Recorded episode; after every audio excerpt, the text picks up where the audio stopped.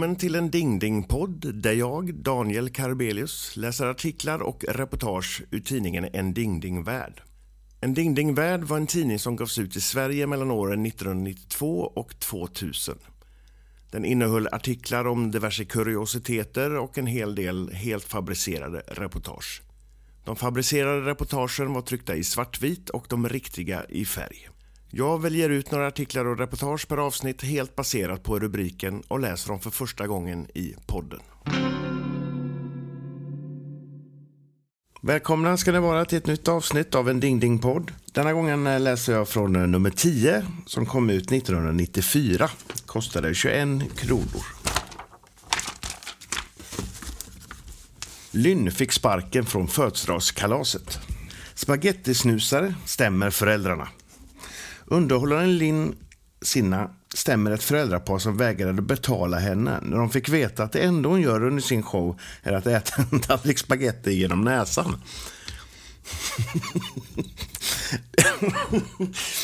Det förmögna paret Henry, eller Henri kanske, och eh, Janine Janine Laconta från Bordeaux i Frankrike lovar att betala underhållaren Lynsinna 15 000 kronor om han uppträdde med sin show på deras tioåriga sons födelsedagskalas. Lynn accepterade, något hon ångrar idag.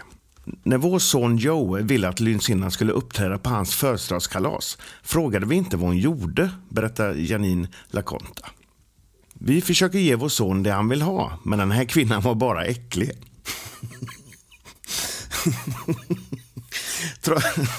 Trots att Lynn inte är någon favorit bland föräldrarna i Frankrike är hon mäkta populär hos barnen. Hennes föreställning kallas Den mänskliga dammsugaren. Lynns agent Nigel Noor menar att man inte kan vägra att betala en artist med hänvisning till att man inte visste vad hon gör.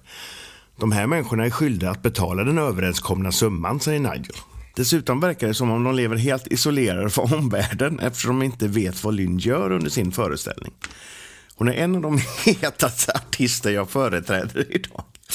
Lynn Sinna började uppträda med sin spagettiföreställning 1987 och sedan hon visat upp sitt spagettisnusande i ett barnprogram tog hennes karriär raketfart.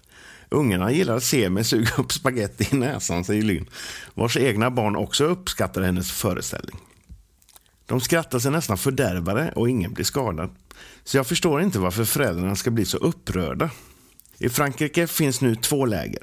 Det ena består av föräldrar som inte har något emot lynchshow. Det andra av föräldrar som protesterar mot den här formen av underhållning.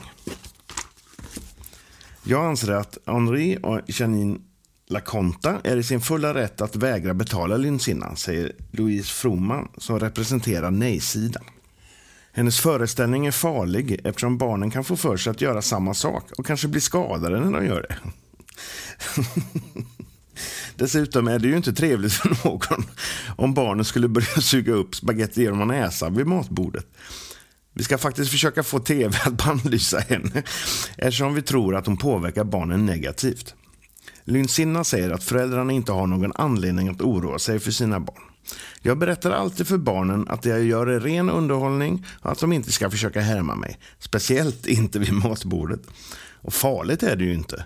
Däremot kan det vara lite obehagligt innan man kommit på knepet. ja. ja. Han har haft en yxa i huvudet i nio år. Grannarna kallar honom Yxmannen. George Raus har vant sig vid att ha en yxa i huvudet han gör inget för att bli av med den. Han är nämligen livrädd för läkare. År 1985 höll den då 29-åriga bonden George Rouse på att städa upp i sin snickarbord när en gammal yxa plötsligt föll ner från en hylla och landade i huvudet på honom. Det vassa bladet högg sig genom hans huvudsvål och in i hans skallben och där blev den sittande. Det gjorde ont som tusan först, så jag gick in och la mig en stund, berättar, George som nyligen fyllde 38 år. Min fru blev fruktansvärt upprörd och ville ringa efter en ambulans. Men jag behövde ingen. Det blödde inte särskilt mycket, jag mådde hyfsat. Dessutom trodde jag att yxan skulle ramla bort av sig själv efter en tid. Men det gjorde den inte. Och efter några dagar vande jag mig. Nu märker jag knappt av den. Nu har George och hans yxa så att säga vuxit ihop. De har levt tillsammans i nio år och George är ganska förtjust i den gamla yxan. Märkligt nog verkar det som om blodkärlen som skadades vuxit ihop och att all skallskada läkts. För det enda besvär George har är lite huvudvärk då och då. Jag har sett honom på gatan och det enda jag kan säga är att han är ett levande mirakel, säger läkaren Clarence Marsh, som är chefkirurg på ett sjukhus i Carolina i Sydafrika. Jag har försökt övertala honom att komma till sjukhuset för att låta mig ta bort yxan, men han vägrar. Yxan eh, ser ut att ha gått in cirka 5 cm i hans huvud och ändå verkar han eh, vara hälsan själv. Det är fantastiskt. George har idag fyra barn och säger att han är nöjd med sitt liv och att han inte har någon lust att ta bort yxan eftersom han inte har några större problem med. I hans hemstad är folk vana att se honom och kallar honom numera skämtsamt för Yxmannen. Alla frågar varför jag inte låter läkarna operera bort yxan. Men jag litar inte på läkare, säger George. Därför tänker jag ha yxan kvar tills jag dör. Jag lever och mår bra nu, men vem vet vad som händer om läkarna skulle börja skära i mig. Jag har hellre huvudvärk då och då än att jag riskerar livet. Jag har ju fyra barn att försörja och jag vill faktiskt se dem växa upp allihop. Det är jag inte så säker på att jag skulle få göra om jag lät läkarna härja fritt.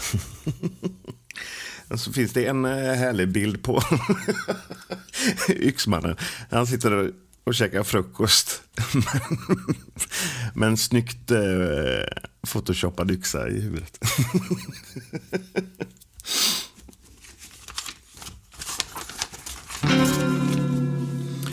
Tack för att du lyssnar på den här podden. Vill du stödja podden ytterligare så har jag nu skaffat en Patreon där du kan bli medlem.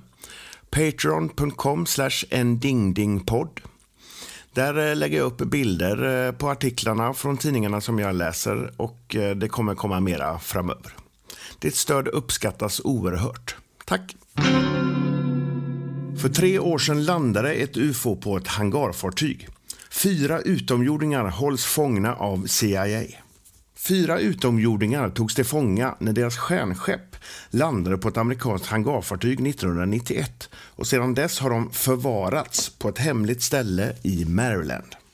Den 12 augusti 1991 tvingades en utomjordisk farkost att landa på det amerikanska hangarfartyget Nimitz.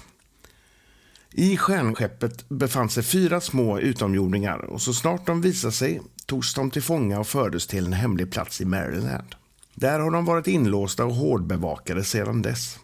När tefatet senare undersöktes upptäckte man att utomjordingarnas vapen var så avancerade att de utan vidare kunde skjuta sig fria när de omringades av amerikanska stridsflygplan och tvingades ner. Men av någon anledning valde de att låta sig tas till fånga, säger den tyske forskaren Hayden Brown som undersökt farkosten. En högt uppsatt CIA-agent som personligen intervjuade utomjordingarna vid tre tillfällen förra året smugglade för en vecka sedan ut den officiella teckningen som gjorts av en statsanställd tecknare. Han har ingen foto. En officiell teckning. Teckningen ingår i den tjocka mappen om utomjordingarna och visar en liten varelse som enligt uppgift är omkring 120 cm lång, har hög bred panna, trubbnäsa, liten mun, spetsiga haka, svarta ögon och spetsiga öron. CIA-agentens motiv för att lämna ut teckningen är att få igång en debatt om fallet. De här varelserna har inte visat någon fientlighet mot vare sig vårt land eller vår planet, säger agenten som valt att vara anonym. De har varit vänliga, medgörliga och så hjälpsamma de kunnat och därför anser jag att de snarast borde släppas och tillåtas att återvända till sin hemplanet. Under åren som gått har utomjordingarna förhörts i hundratals timmar. De har undersökts av läkare och de har tålmodigt funnit sig i allt. De är mycket intelligenta. Intelligentare än någon av oss kan drömma om. Om man frågar dem på engelska besvarar de frågan på flytande engelska. Om man ställer frågan på swahili svarar de på swahili. De ler, skämtar och kommunicerar med oss som om de bott på jorden hela sitt liv. Vi har lärt oss mer av dem när det handlar om att färdas i rymden än vi kunnat föreställa oss. Nu säger de dock att de längtar hem och jag tycker inte vi har rätt att hålla kvar dem. Men eftersom deras farkost plockats i småbitar i vetenskapens namn så vet vi inte vad vi ska göra av dem. CIA-agenten påstår att president Clinton är informerad om utomjordingarnas existens och att han varje vecka fått rapporter om dem. Dessutom säger han att presidenten besökte utomjordingarna i december förra året. Han oroar sig för dem, säger agenten. Han vet inte heller vad man ska ta sig till med dem.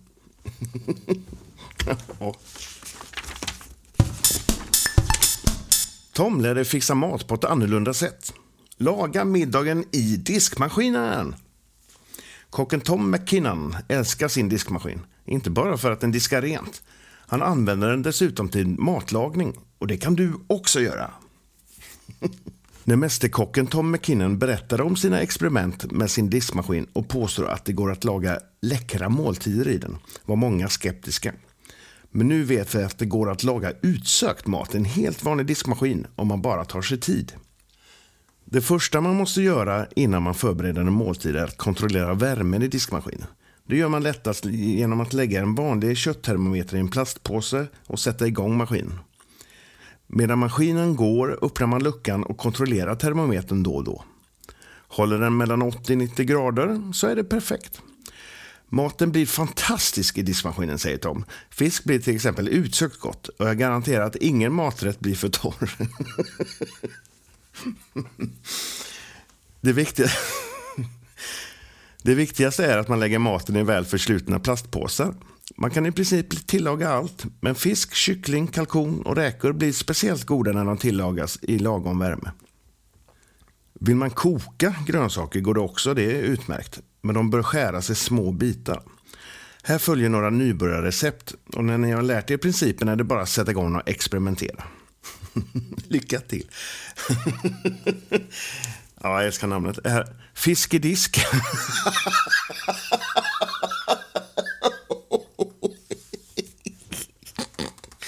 ja, så bra.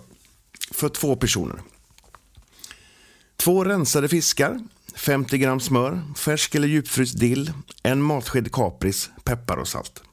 Salta och peppra fisken och lägg den sedan i en plastpåse. Strö dillen och de andra kryddorna över fisken. Skär smöret i tunna skivor och lägg på fisken. Glöm inte att stänga påsen ordentligt. Om fiskbitarna är en centimeter tjocka räcker det att köra ett diskprogram. är de tjockare kan det behövas två diskar. Servera med kokt potatis. Smaklig måltid. Ja, alltså egentligen på något sätt, varför skulle det inte fungera? Men det blir som eh, fattigmans sous ungefär. Ja, det blir lite action här. Fortsättning, sida 39. Nu ska vi se. Eh, här. Diskade grönsaker. Hoppas alla har penna och papper nu och skriver ner de här recepten. En halv röd paprika, en halv grön paprika, en liten zucchini, ett hekto champinjoner, en tesked torkad dragon, nymald peppar. Skär grönsakerna i små bitar, lägg dem i en plastpåse. Krydda och lägg in påsen i diskmaskinen. Ett diskprogram på högsta värme räcker. Recept 3. Fyllda kalkonbröst. Ett kalkonbröst eller kycklingbröst. Två koppar pumpernickelbröd. En fjärdedel kopp tranbär. En fjärdedel kopp vermut. Dela upp kalkonbröstet i två portioner och dunka dem platta. Tärna pumpernicken, tillsätt de krossade tranbären och rör ihop alltsammans med vermouth och valfria kryddor.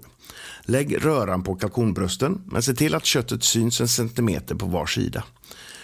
Rulla ihop kalkonbrösten och se till att fyllningen stannar kvar. Rulla sedan in kalkonbrösten i plast. Dra åt hårdare för varje varv.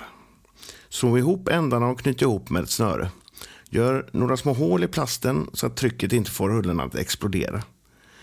Men ska man, om man ska ha det i diskmaskinen vill man inte ha hål Kör, kör diskmaskinen två gånger och bjud sedan på en utsökt anrättning med valfria tillbehör. ja, fan. Om det är någon som testar de här recepten så får ni höra av er till eh, podden. Eh, endingdingpodd.gmail.com Finns såklart också på Instagram och Facebook.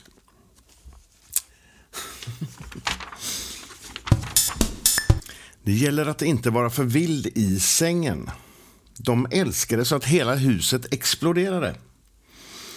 Det hetblodiga nygifta paret hade en så vild kärleksstund att hela huset flög i luften.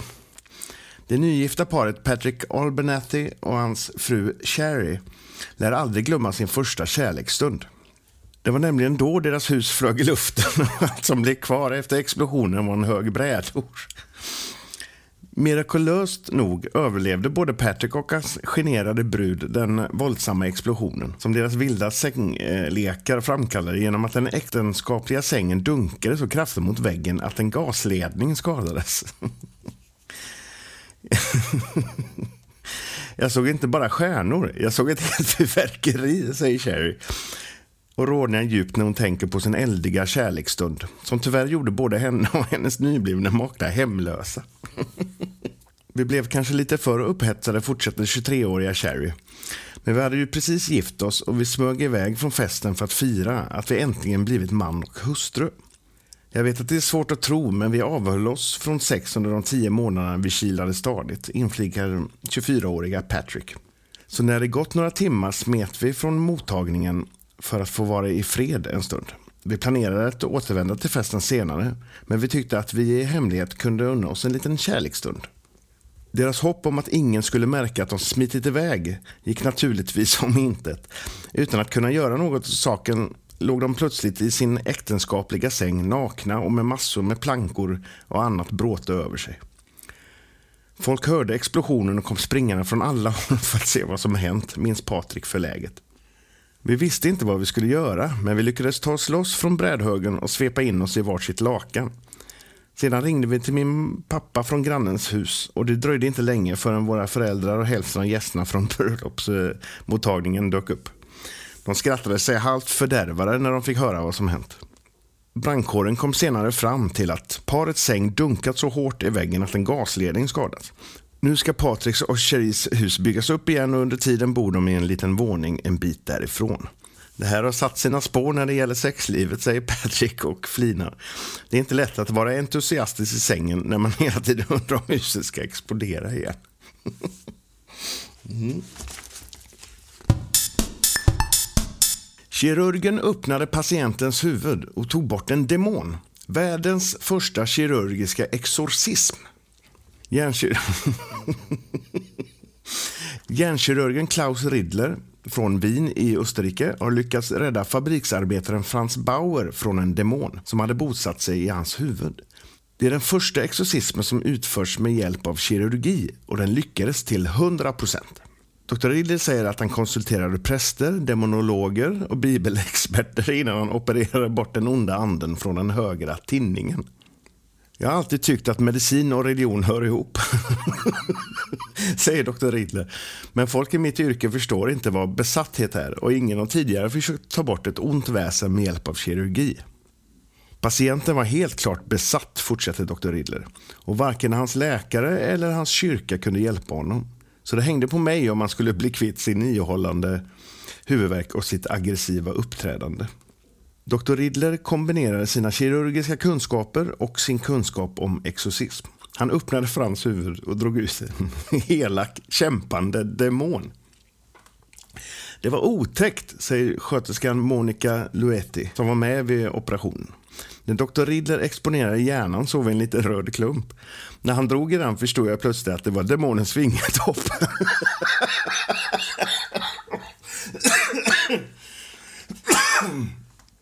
Ursäkta, jag är lite förkyld.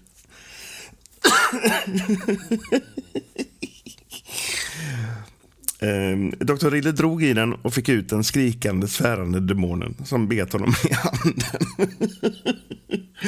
Sedan small det till och den ilskna varelsen försvann upp i ventilationstrumman.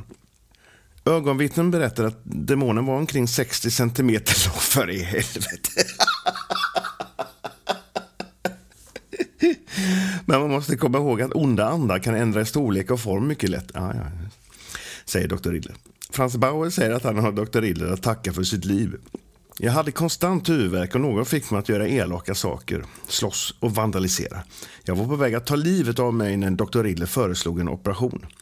Nu har jag inte ont längre och jag är lika snäll och glad som jag var innan demonen kom in i mig 1989. Mina händer har utfört gudsverk, säger doktor Tjena. Jesus brukar visserligen ta bort demoner med hjälp av sina händer. Själv är jag tvungen att använda en skalpell. ja, bra. Tack för att du lyssnat på det här avsnittet av en Ding Ding podd. Podden finns på Instagram och på Facebook. Sök på en Ding Ding podd så hittar du rätt. Du får gärna recensera podden där ni kan i alla poddappar och liknande. Eh, dela den gärna med nära och kära så att så många som möjligt kan ta del av dessa härliga artiklar från den här underbara tidningen. Ja, vi ses nästa tisdag. Ha det bra. Hej!